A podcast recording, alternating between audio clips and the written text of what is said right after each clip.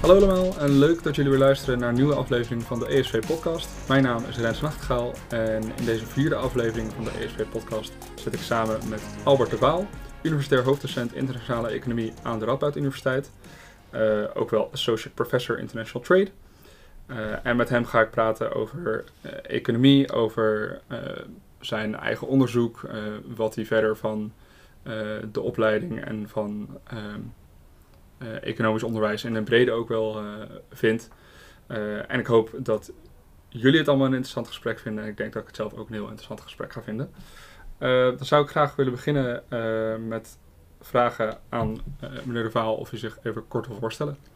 Nou ja, goed, ik ben dus Albert De Vaal. En het klopt, ik ben universitair hoofddocent internationale economie aan deze universiteit al bijna 25 jaar lang. Krijg binnenkort mijn, mijn bonus daarvoor, heb ik geloof ik. maar dit terzijde. En ja, goed, een dagelijks leven. Ik ben getrouwd, heb drie kinderen. Die zoons zijn inmiddels ook al nou, de jongste is nog net studentenleeftijd, zeg maar. De rest zit er alweer boven. Dat was altijd wel prettig. Op het moment dat ze echt studentenleeftijd hadden, dat had ik toch wat meer gevoel met de studenten in de zaal. En waarom dat de dingen niet altijd zo gingen als ik dacht dat ze zouden moeten gaan. Zo werkt dat. Uh, maar dat is in het algemeen natuurlijk wel het mooie van, uh, van onderwijs geven, vind ik, aan, aan jonge mensen. Dat studenten blijven ongeveer dezelfde leeftijd. Ik word ouder, maar dat betekent wel dat ik altijd voeling blijf houden met ja, wat ik dan de jonge garde noem.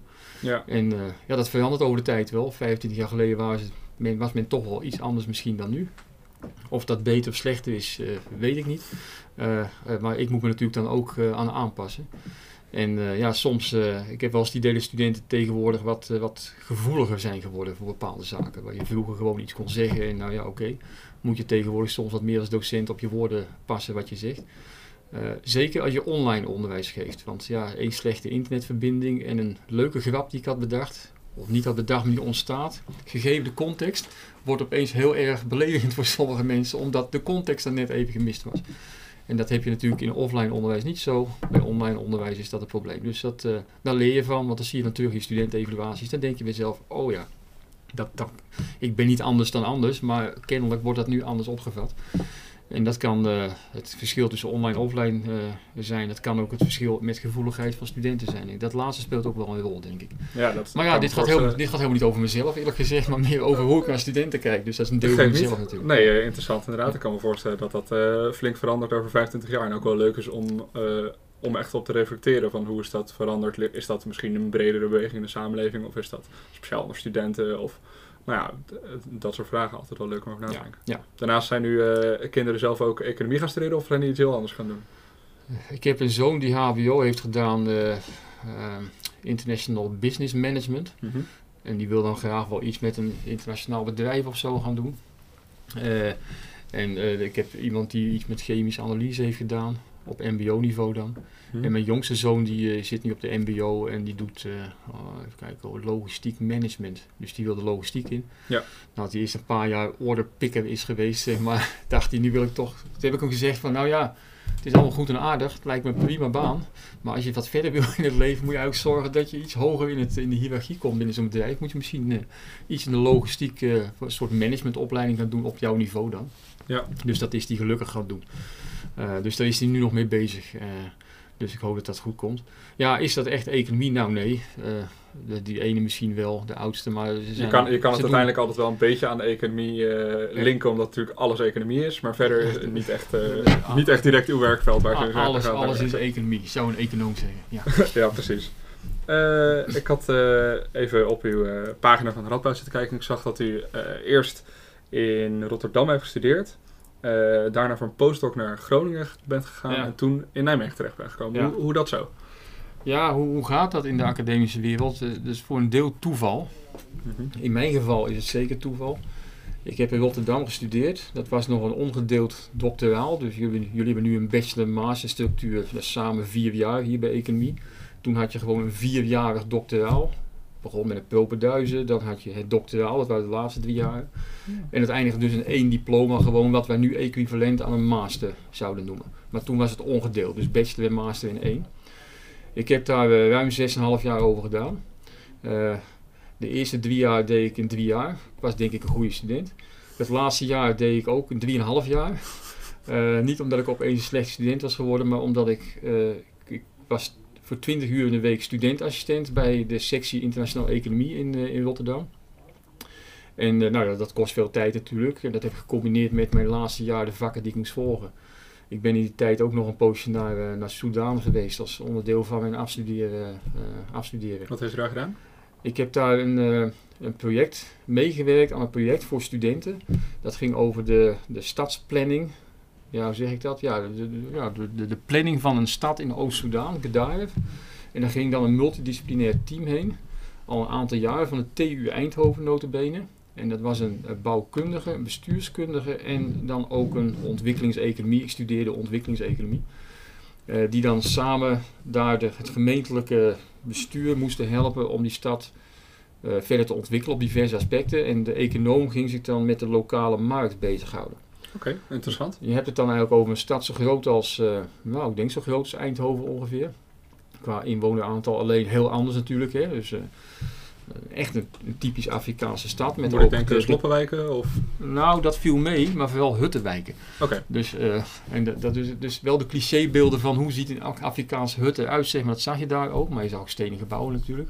Natuurlijk rijk en arm ver- verdeeld, want Soudaan is niet zo'n rijk land, om het maar Nee. een, met een statement te zeggen.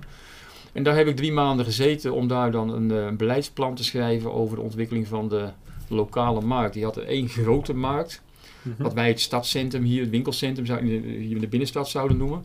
En daarnaast had je wat lokale eh, wij, eh, markten, zoals je hier het winkelcentrum Hatert hebt bijvoorbeeld, of, of en, en dergelijke dingen. En dat is daar natuurlijk heel anders georganiseerd, want dat was niet allemaal winkeltjes, ja die had je wel, maar vooral ook mensen die op de, ja gewoon de straat, Gewoon straatverkopers. gewoon eigenlijk straatverkopen zou zitten. Dus een markt, een beetje onze ouderwetse perceptie van een, de weekmarkt, zeg maar. Alleen dan niet met kraampjes, maar op de grond. Ja, maar gewoon met de, de Ja. turfmarkt en de veemarkt. Precies, en, eh, ja. ja. En men wilde eigenlijk die centrale stad, of centrale markt, wilde men decentraliseren. En hoe krijg je dat dan gedaan? Nou, daar hadden ze al twee jaar hadden ze mensen onderzoek naar laten doen. En die hadden de, de, de, de, de aanbieders op de centrale markt hadden ze eh, geïnterviewd. Eerste jaar, tweede jaar die op de lokale markt. En voor mij was het dan de schone taak om een beleidsplan eh, te schrijven. Dus ik heb nog wat interviews gedaan, daar met mensen gesproken. Ik had ook een tolk eh, bij me, een eh, Soedanese jongen. En ik heb daar een beleidsplan geschreven, wat, geschreven wat, wat ongetwijfeld door niemand is opgepikt. Want zo gaat dat. Dat is dan wel weer jammer. Volgens Maar- mij hebben ze een soortgelijk project, nou dan wel op, in die zin kleinere schaal dat het alleen over Nijmegen ging, maar nu bij de eh, als honorsprogramma hier in Nijmegen gedaan. Ja. Over eh, urban planning, ik ben even het Nederlandse woord vergeten, Ja. gewoon planologie. Ja. Ehm, eh, voor in Nijmegen wat er verbeterd kan worden aan, aan, aan de stad Ja. Ja. en de structuur ervan. Ja. Best wel interessant. Het is ook heel leuk om over na te denken gewoon. En het is wel zo, vind ik, en dat geldt denk ik hier met urban planning ook wel zo. Dat geldt met veel beleid in zijn algemeenheid, en daar dus ook. Dat het over het algemeen toch neerkomt op het gebruiken van gezond verstand. Ja. Eh, dat gezond verstand, dat moet je wel hebben. Dat ontwikkel je ook natuurlijk. Bijvoorbeeld door eh, studie te volgen. Maar het is gewoon heel nuchter naar dingen kijken. En dan zien van wat gaat niet zo goed en hoe zou het beter kunnen. En dat doe je gewoon. En dat is je gezond verstand door met mensen te spreken. En dan natuurlijk wel de belangen te zien die iedereen heeft. Maar gewoon open te spreken met mensen. Dan te zeggen, van, nou, dit lijkt me een betere oplossing dan zoals het nu is. En zo zou het misschien kunnen bereiken. Ja. Of dat dan werkt is een tweede. Maar in ieder geval, je hebt geluisterd naar de mensen. Je hebt je gezond verstand eh, toegepast. En eh, dat is soms eh, in dergelijke zaken, als het echt om, om mensen te bewegen iets te doen, is het soms verstandiger misschien dan, dan alle wiskundige esoterie die je kunt gebruiken bij, bij economische modellen. Dat doet toch al weer snel af aan uw eigen werk eigenlijk. Nou, dat niet, want ik vind eigenlijk dat het modelleren van dingen, daar gebruik je ook je gezond verstand. Want als je Ah, iets modelleert, dan denk je eigenlijk, hoe, hoe zou het werken? Kijk, modelleren is natuurlijk een abstract, abstrahering van de werkelijkheid. Nou, dan denk ik, ik denk bijvoorbeeld dat als de prijzen omhoog gaan, dat mensen minder gaan kopen. De meest simpele veronderstelling die wij doen als econoom. En dat er eh, meer aanbieders zullen zijn als de prijzen omhoog gaan voor iets. Nou, dat is ook wel, ik denk dat die, ondanks alle behavioral economics eh, inzichten, denk ik dat dat nog wel, grosso modo, dat dat nog wel klopt, zeg maar. Nou, en daarmee ga je modelleren. Dus er ontstaat een soort kader waardoor je de wereld beschouwt. En dan vervolgens kun je gaan kijken, wat nu als we dit gaan veranderen? Wat betekent dat dan? En ontstaan er dan geen onvermoede effecten? Dus je hebt die, die, die gestileerde werkelijkheid in je kop wel nodig eigenlijk om structuur te bieden aan alle, eh, afwijkingen die je kunt bedenken, die die werkelijkheid in het echt heeft. Ja. En dat geeft structuur en dat betekent eigenlijk, dat, dat vind ik ook voor een deel gezond verstand. Dat je zegt van ja, nou, je kunt wel denken dat het zo werkt, maar die- die- zoals jij het nu zegt, gaan de prijzen omhoog en gaan mensen minder aanbieden. Hoe dat dan? Zo werkt dat toch niet, want het is vrij algemeen enzovoort. Zo, zo werkt dat niet. En daar kan een model je goed bij helpen. Dus in die zin, voor een theoreticus eh, staat dat niet haaks op wat ik daar straks zei. Oké. Eh, dat gezond verstand moet je gebruiken, je modellen help je daarmee. En eh, ja, je moet wel luisteren naar mensen en die doen soms wat anders. Dan kun je daar rekening mee houden. Als dat echt iedereen anders doet, ja, dan moet je een ander model hebben natuurlijk. Ja, de modellen zijn natuurlijk de basis. Ik heb dat zelf ook gemerkt in, Ja. de, in het doorlopen van de studie. Je begint met de meest strikte aannames Ja. die totaal onrealistisch zijn. Ja, En door de tijd heen laat je steeds meer aannames los en ga je steeds, meer, steeds dichter naar de werkelijkheid. Dat is eigenlijk Precies, een beetje het idee, ja. toch? ja, zolang je maar niet het idee hebt dat je met een model, hoe mooi je ook je veronderstellingen maakt, je perfect de werkelijkheid kan voorspellen. Ja. Want het is geen exacte wetenschap. eh, maar je probeert wel structuur te geven aan je gedachten. En dat vind ik eigenlijk de, de waarde van het modelleren. Eh, En daar, daar, ben ik, daar hou ik ook erg van.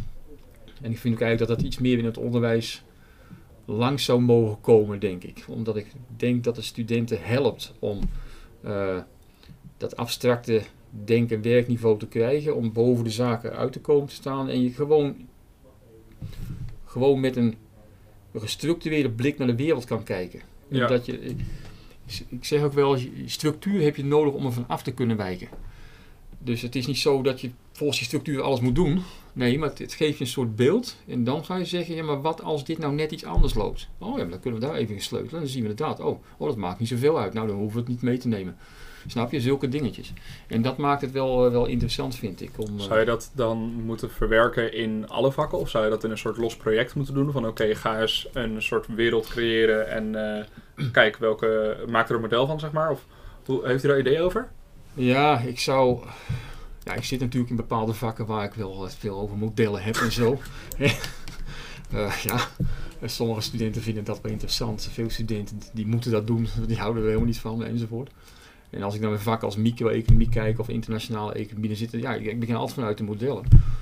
Maar als, als ik dan even vooral naar, nou laten we naar micro-economie kijken. Alles wat je eh, nu in de kranten leest over bijvoorbeeld zo'n suikertax, ja, past micro-economie me toe of het werkt of niet werkt. Want ja, ik kan wel denken dat iedereen wel opeens minder suiker gaat eh, zo, kopen. Maar die suikertax, het betekent niet dat de prijs met precies die suikertax omhoog gaat. Want er is ook nog een aanbodkant. Ja. Eh, het zou wel kunnen betekenen, misschien helpt het daar wel mee, dat ook die producenten weer andere keuzes gaan maken. Dat ze minder suiker in hun producten gaan doen. Dus dat je een soort impliciet toch een beweging krijgt naar nou, minder suikerintensieve producten, zeg maar. Zulke dingen.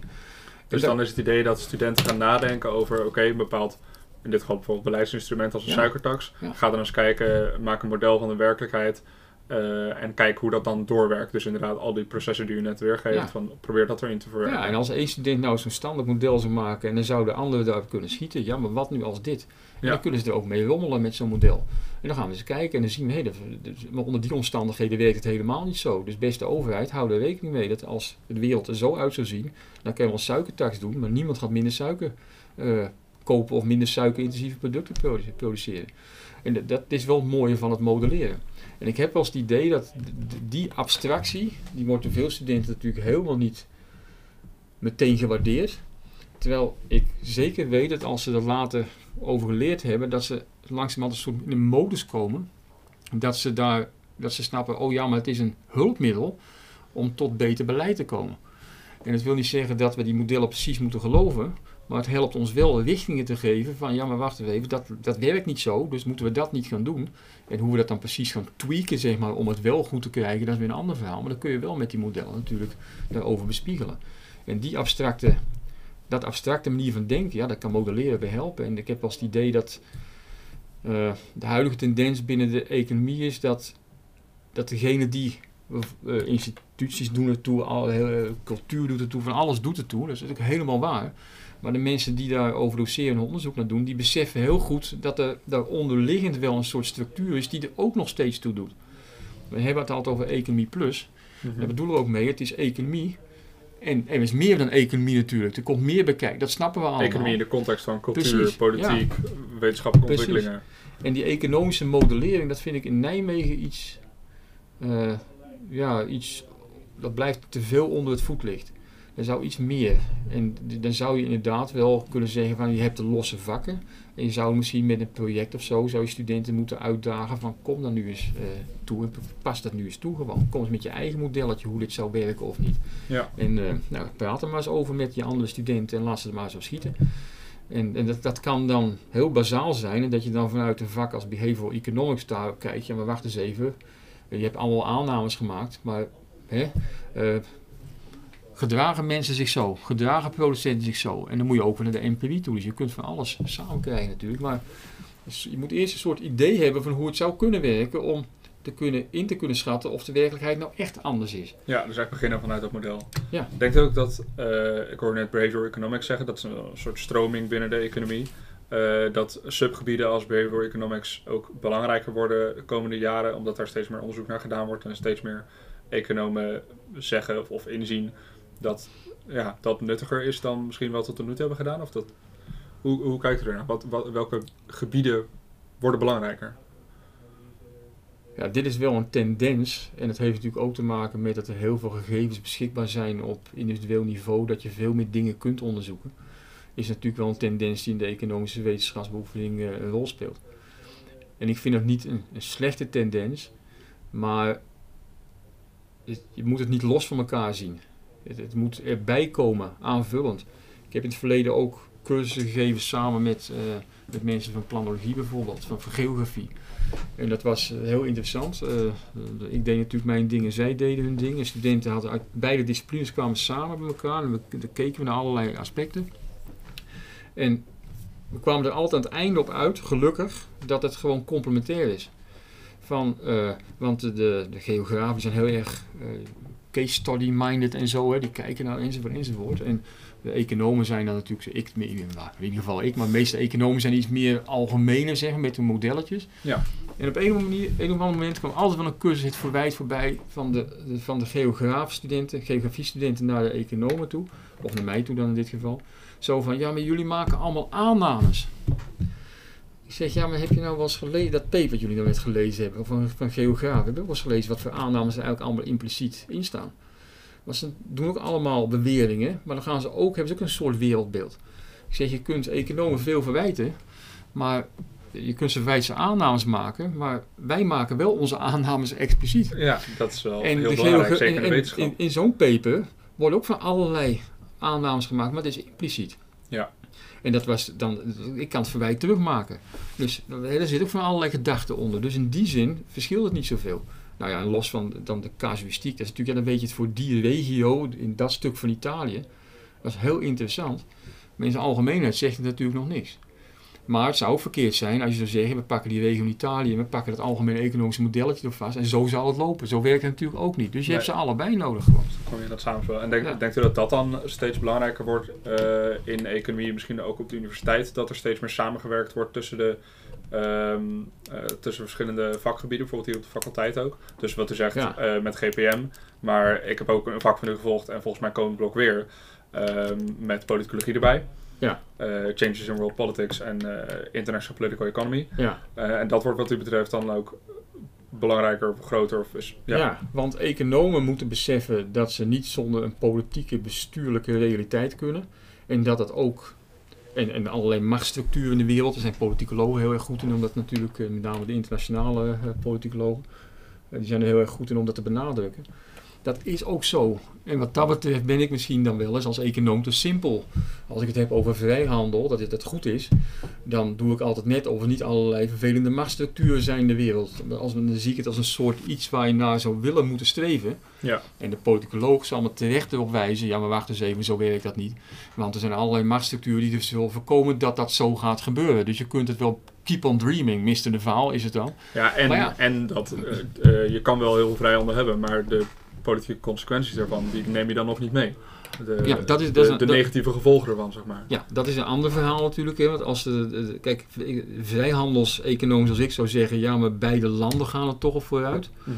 Maar de politieke realiteit kan ervoor zorgen dat met name één van beide landen erop vooruit gaat. En dat daarmee inkomensongelijkheden tussen Ja. landen toenemen. En daardoor ook de machtsstructuren die er zijn nog juist versterkt worden. Bijvoorbeeld, of dat de ongelijkheid binnen een land vergroot, of dat er eh, politieke of sociale onrust ontstaat binnen een land, wat je allemaal niet, eh, Nee, dat niet klopt. meeneemt in een kwantitatief economische analyse meestal. Nee, dat klopt, dat klopt. Maar goed, eh, als er één iemand is die zijn hele leven lang al gezegd heeft dat vrijhandel goed is, maar dat we op moeten passen voor inkomensverdelingseffecten, dan ben ik dat wel. Want dat is een van de basislessen van International Economics die ik altijd geef. Als ik het over het, eh, je kent het wel waarschijnlijk, het heksje-olie-model. Zeker. Als je het nog niet verdrongen hebt, maar dat is het zeg maar. Maar dat is wel zo dat je dan op dat moment zegt, moet je luisteren, beste studenten, we doen wel heel de tijd dat handel zo voordelig is voor beide landen, maar er zijn niet iedereen binnen een land gaat uit. En daar moet je goed op letten. En dat is ook uh, precies een van de onderzoeken die ik, die ik gedaan heb in, in zo'n paper met, met Erik Koenslag uh, van de Universiteit van Kiel. Nee, waar zat hij toen? Nou ja, in ieder geval, hij, zat, hij werkte op in Kiel, maar nu, daarna in Hamburg. En toen hebben we gekeken van, als we dat nou eens meenemen, die politieke realiteit, dus in een economisch model, is politieke realiteit dat als er wat gebeurt in de wereld met globalisering, bijvoorbeeld de transportkosten gaan gigantisch naar beneden toe. Um, maar als, als beleidsmaker, als politiek, uh, uh, politicus, wil ik wel dat de mensen er niet op door achteruit gaan. En wat als we dat nou eens meenemen? Want een econoom zal zeggen, ja, er is globalisering. Dat is goed voor het land als geheel. Transportkosten gaan beneden, alles wordt goedkoper. Fantastisch. En wij kunnen het beter exporteren, importeren goedkoper. Maar we weten ook dat importsectoren bij ons op achteruit gaan. Precies. En er zijn mensen die er op het nadeel van ondervinden. Dus een econoom zou zeggen dat kunnen we oplossen. Want we hebben uh, per saldo voordeel ervan. Dus we kunnen met lump sum transfers, weet je wel, dat is een prachtig, uh, ja, ideaal, ideaal typisch uh, instrument kunnen gewoon die mensen wat meer geld geven. En dat kunnen we eigenlijk makkelijk betalen. Want ja, die anderen hebben, die, dat kunnen we daar weghalen. En ze, we kunnen dat gewoon doen. Gewoon het idee van, we hebben zoveel voordeel aan één kant... dat we de nadelen kunnen compenseren aan de andere kant. Precies, en we houden, ja, en we houden toch over. Pareto optimaliteit heet dat, hè? Dat, is het precies. Nou, precies. Nou, en dat paper wat ik toen met Erik eh, samengeschreven heb... is we gezegd hebben, ja, maar wacht eens even, de politieke realiteit is toch anders? Want dat gaat niet met lump sum transfers. Het gaat meestal met, nou ja, dan uh, moet het wel compenseren, maar dan gaat men eigenlijk ook nog verstorende, markt, wij dan marktverstorende uh, instrumenten gebruiken. Dus bijvoorbeeld, ik ga dan die producent die nadeel vinden van die toegenomen concurrentie op de wereldmarkt, die gaan we subsidie geven. En uh, dat, dat is een verstorend element. Want als we een perfecte economie zouden hebben en zouden subsidie geven, is dat welvaartsverlagend. Dus dat is, hè, dat, uh, want je ondersteunt eigenlijk de minder bekwame broeders en zusters. Uh, die, die, die hou je boven, boven water. Ja, je dus verstoort, je verstoort, je verstoort het, het competitie-effect. Precies, precies. Nou, en stel nou eens nog dat die overheid dan ook nog dat budget neutraal wil invoeren. Dan moet hij misschien ook nog wel een belasting heffen ergens om het weg te halen bij die mensen die er voordeel van hadden. We waren de consumenten. Als we het hebben, producenten nadeel, consumenten voordeel. Als je dat doet, dan, uh, dan zul je zien, dat was de analyse in die paper, dat, het, dat de welvaartseffecten van die positieve schok van verlagen van transportkosten in de wereld, om wat voor reden ook, dat die natuurlijk minder is, maar er blijft nog steeds positief iets over. Ook al gebruik je verstorende beleidsinstrumenten om de boel weer een beetje weg te breien. Um, maar op het moment, daar ga je wel van uit dat de informatie die je hebt als overheid, dat die perfect is. Dat je precies weet hoe de hazen lopen. Dat je weet hoe groot die schok is. Dat je weet hoe de vraag en aanbod elasticiteiten zijn. Als je dat allemaal niet weet, en daar, daar gaat dat paper eigenlijk over, dan kan het per saldo wel eens misgaan. Dan wil je, ga je, omdat je wilt compenseren, zou het per saldo wel eens kunnen leiden tot een lager welvaartseffect dan als je niet zou compenseren. Dus even voor de, voor de wat minder economisch onderlegde luisteraars. Uh, dan is het idee dat je calculeert iets in maar uiteindelijk blijkt dat de voordelen ervan eigenlijk kleiner zijn dan je had gehoopt. En de nadelen ervan zijn groter dan je had gehoopt. Dus de verstoringen in de markt zijn groter dan je had, had gehoopt. En daardoor is het uiteindelijk een welvaartseffect. Dus Precies. negatief. Precies. En toen hebben wij betoogd in het paper van, nou ja goed, als we die politieke realiteit, dus de wens van politici om zeg maar mensen te willen compenseren voor het, ja, het opgedane verlies, mm -hmm. vanwege een soort exogene schok die ze hadden. Als dat met verstorend verstorende instrumenten gebeurt, uh, marktverstorende instrumenten gebeurt. En als er ook nog onzekerheid is over hoe die instrumenten precies werken en allerlei zaken die je moet weten. Je hebt niet alle perfecte informatie, dan zou het wel slecht kunnen aflopen. Qua welvaart dan, hè.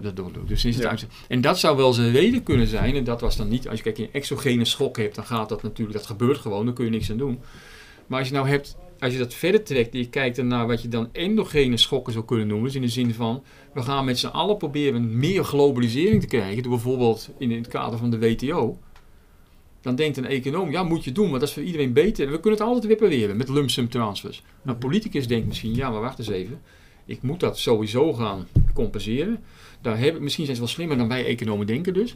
Want daar hebben we verstorende, ehm, marktverstorende instrumenten voor nodig. En daarmee zouden we wel eens een kind met het badwater weg kunnen gaan gooien. Daarmee zouden we dus net al dus negatief Precies, precies. Zeker als we onder onzekerheid opereren. Ja. Nou, in dat paper betogen we eigenlijk dat het misschien toch niet zo stom, punt, stom is om dan niet voor die verdere globalisering te zijn vanuit een ja. politiek-economisch perspectief. Nou, Ja. Dat was wel een leuk paper eigenlijk. Ja. Nee, dat klinkt heel interessant inderdaad. Ehm, hoe ziet u dan eh, bijvoorbeeld de versteviging van de handelsrestricties die onder president Trump is ingezet eh, en daarna eigenlijk nu onder Biden niet eh, echt in, in grote mate is teruggedraaid, zeg maar. Ja. Is dat, zou dat dus nog wel eens een eigenlijk best wel verstandig besluit, besluit in dat opzicht kunnen zijn, in, in puur welvaartseffecten? Uh, nou, ja, ja en nee. Uh, je zou kunnen zeggen, de context is, uh, er is uh, hier een exogene schok en dat noemen we China. ja. Dus China is opeens uh, opkomende economie, die wordt de workshop van de wereld, zeg maar. Dus ook heel veel exporteren naar Amerika enzovoort. En er zijn dus, dus dat is eigenlijk globalisering. Alleen de globalisering heet nu China. En uh, vervolgens uh, heeft dat nadelen, inkomensverdelingseffecten in de Verenigde Staten. En met name in het electoraat van meneer Trump natuurlijk. Hè, de, de hardworking white American worker. Dat was Ja. een beetje het, het electoraat. En dat wil hij repareren. Dus met andere woorden, het idee van politici willen compenseren, dat zit er eigenlijk in. Er is globalisering en we willen compenseren. En nu is de vraag of Trump dan de maatregelen heeft gekozen en ook de schok zodanig heeft ingeschat en het precies allemaal wist hoe groot die schok was en wat hij precies moest doen om dat recht te breien, Ja. om de welvaartseffecten per saldo voor eh, Amerika niet eh, lager te doen uitkomen. Ja. Want ja, globalisering met China is eigenlijk goed voor Amerikaans geheel. Mhm. Nu ga je repareren, reparatiemaatregelen treffen. Dan doet dat iets te niet natuurlijk, die voordelen. Maar goed, je, je compenseert mensen. Dat is het politieke eh, idee erachter. Er ook niks mis mee. Want er zijn inkomensverdelingseffecten die wil je repareren. Maar ja, als je misschiet. En ja, iets zegt me dat... Trigger happy Mr. Trump. eh, dat s- eerder misschiet dan raak schiet. Dat zou Eh, kunnen, ja. en, en dat die er door heel erg te focussen op China. En vooral eh, maatregelen te nemen die bepaalde gebieden in China echt troffen, zeg maar, bepaalde sectoren enzovoort. En daar niet echt het algemeen belang eh, eh, voor ogen had. Dus het zou me verbazen als het beter zou zijn voor de Verenigde Staten. Maar misschien wel voor sommige van zijn electoraat. electoraat. Alhoewel in de analyse daarna meteen uitkwam dat heel veel van die sectoren die die dachten te beschermen, helemaal niet zoveel bescherming genoten. Want die zijn ook, dat is ook, het, ge- dat is ook een soort paradox. Hè? Je gaat allemaal tarieven heffen op zaken die ook weer input zijn Ja, in de precies. producten van Amerikaanse bedrijven. Dit is precies Die daar net- last van hebben. Dat was dan bijvoorbeeld dat er importtarieven worden geheffel, eh, geheft op staal. En dan vervolgens eh, wordt staal duurder. Ja, dan wordt het weer Ja. lastiger voor de autoproducenten in Amerika die die ook wil steunen. Precies. Nou ja, dan Precies. schiet je nee. natuurlijk in je eigen voet. Ja, ja, ja. En kan dat dan ook, zeg maar, dus eh, gewoon überhaupt bij een verandering van eh, beleid, dat er altijd een corresponderend inkomensverdeling ehm, eh, instrument moet worden toegepast? Dat, er dus, dat je dus altijd het probleem hebt welke kant je ook opgaat? Alles wat er gebeurt in de wereld, dat heeft inkomensverdelingseffecten. Eh, want dat, dat zal altijd ten koste van iemand gaan of niet ten koste van iemand. En dan is de politieke afweging of je dat erg moet vinden of niet. Een voorbeeld uit een eh, grijs verleden, eh, de jaren 70, is eh, eigenlijk de teloorgang van de, eh, de, de Twentse textielindustrie. Of de teloorgang van de Nederlandse scheepvaartindustrie, eh eh, Rijnschelde Verolmen. Er is ooit nog wel eens een parlementaire enquête over De geweest. RSP-enquête, zeker. Ja, ja, precies. En dan is de vraag als overheid, wij zien dat die niet op kunnen boksen tegen opkomende concurrentie uit ja, landen, meestal in het Verre Oosten. Die, eh, Zuid-Korea Zuid-Korea hoofd, eh, bijvoorbeeld, ja, met de precies. boten. Moeten wij dan dat subsidie blijven geven? Dus tegen de klippen op, toch een mooie metafoor is het over scheepvaart, maar tegen de klippen op blijven subsidiëren, terwijl je eigenlijk weet dat het een verloren strijd is. Ja, de econoom in mij zegt dat moet je niet doen, want ze, ze, ze redden het niet. Wij moeten zorgen dat wij in sectoren gaan zitten waar wij wel een voordeel, een competitief slash competitief voordeel hebben. En kennelijk is dat niet meer langer de, de staalintensieve scheepvaartbouw. Ja. En wat zie je nu in Twente? Twente is hetzelfde natuurlijk la, van hetzelfde laak en pak. Yes. Van hetzelfde laak en pak in Twente, waar de textielindustrie onderuit ging. Eh, die kennis daar, die is niet verloren gegaan. En wat zie je nu terugkomen? De niche-markten. Dus alles wat kwaliteit vereist op het gebied van textielproductie, dat zitten we in Twente. Ja. Omdat die mensen dat gewoon kunnen. De, de, de, de meest sophisticated type garens en dergelijke, Daar zit de kennis van hoe je dat moet doen. Dat kan daar geproduceerd worden. En dat kan niet zo 1, 2, 3. Dus je moet je toeleggen als land op de dingen waar jij goed in bent. Dat zijn kennis, in Nederland kennisintensieve productie. Nou, dat kan best over textiel gaan, maar dan heb je het niet over de, de bulkgoederen. Dan heb je het over heel gespecialiseerde textiel. Ja. En dat kunnen mensen in Twente heel goed. En die kunnen dat beter dan de bulkproductie van de laag opgeleide in nou ja, Zuid-Korea, Maleisië en dergelijke. Ja. Ja, klinkt ontzettend interessant. Dus dat eigenlijk zou de overheid daar misschien ook beter uh, op kunnen sturen. Dat is natuurlijk een politiek uh, lastige boodschap om te brengen. Maar uh, economisch gezien kun je daar wel redelijk vast over zijn. Je moet gewoon sturen op de industrieën die al een competitief voordeel hebben. En die de ruimte geven om zich te ontwikkelen. En de, ja. de, de sectoren die ja, gewoon op achterstand staan ten opzichte van een buitenland wat goedkopere arbeidskrachten heeft in die, in die sector of iets anders die moet je maar rustig een, uh, rustige dood laten sterven eigenlijk. Ja, en je moet ervoor zorgen dat de mensen die er werkzaam zijn, dat die gewoon heropgeleid worden en ergens anders te werk kunnen. Dat is wel een probleem in Nederland, uh, vind ik, zo langzamerhand. Uh, ja, zo langzamerhand. misschien is niet, ik heb er wel eens een student over gehad die daar een scriptie over heeft geschreven, maar niet iedereen is misschien zo makkelijk van de ene sector naar de andere sector overdraagbaar. Of ja. hoe zeg je dat? omschoolbaar. Dat is, wel, dat is wel een dingetje, vind ik. Want eh, kijk, wij doen altijd heel makkelijk. En dat is ook weer een econoom die zegt van ja, maar goed, als je dan die ene sector gaat, dan die krimpt. Dat is de import-concurrerende sector. Dus die mensen moeten dan de export, die exportsector gaan werken. Want daar zijn we kennelijk goed in. Maar ja, je moet wel de skills hebben om daar te werken. En dat is, dat is niet zo.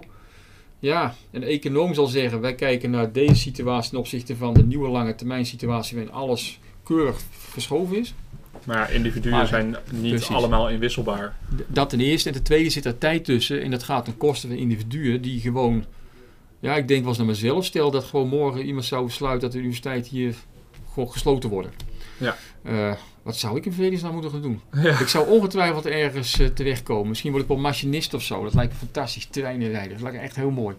Uh, ze weten dat ik het niet doe, maar het zou hartstikke leuk zijn, denk ik. Ik hou erg van treinen bijvoorbeeld. Ik zou me echt wel kunnen omscholen, denk ik. Maar er zit wel een hoop ja, frustratie, ellende. Daar gaat tijd overheen. En misschien ben ik nog wel makkelijk omschoolbaar. Want ik, ja, dus je hebt, dan, je hebt dan sociale kosten, Precies. je hebt gewoon kosten in termen van tijd ja. uh, die je eraan spendeert. Ja, dus als je het hebt over de overheid moet bepaalde sectoren zachte dood laten sterven. Uh, dat moet je inderdaad doen als je weet dat ze het nooit zullen kunnen gaan, gaan redden tegen de buitenlandse concurrentie. Maar als het natuurlijk een tijdelijke dip is, dat je zegt, ja, wacht eens even, dit is iets waar we overheen moeten komen. Dus we moeten nou niet over twee jaar is alles weer een beetje normaal, dus dan kunnen die bedrijven gewoon recht overeind blijven. Ja, dan moet je ze misschien wel steun geven. Ja, precies. Dus dat van in een uh, situatie als de coronacrisis, waar het inderdaad ja. een tijdelijke dip is, hoogstwaarschijnlijk, ja. Uh, tegenover een situatie als uh, nou, bijvoorbeeld met de scheepsbouw.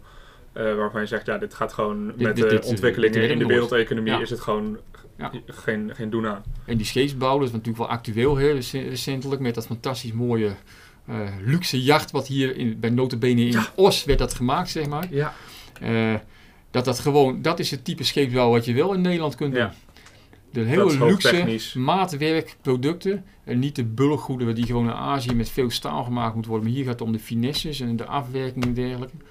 En ik begrijp dat dat schip nu op weg is naar Harlingen waar het dan afgebouwd wordt. En het was natuurlijk prachtig dat precies op het moment dat het water wat hoog stond, dat, die, dat dat schip onder de bruggen door moest. Eh, ja.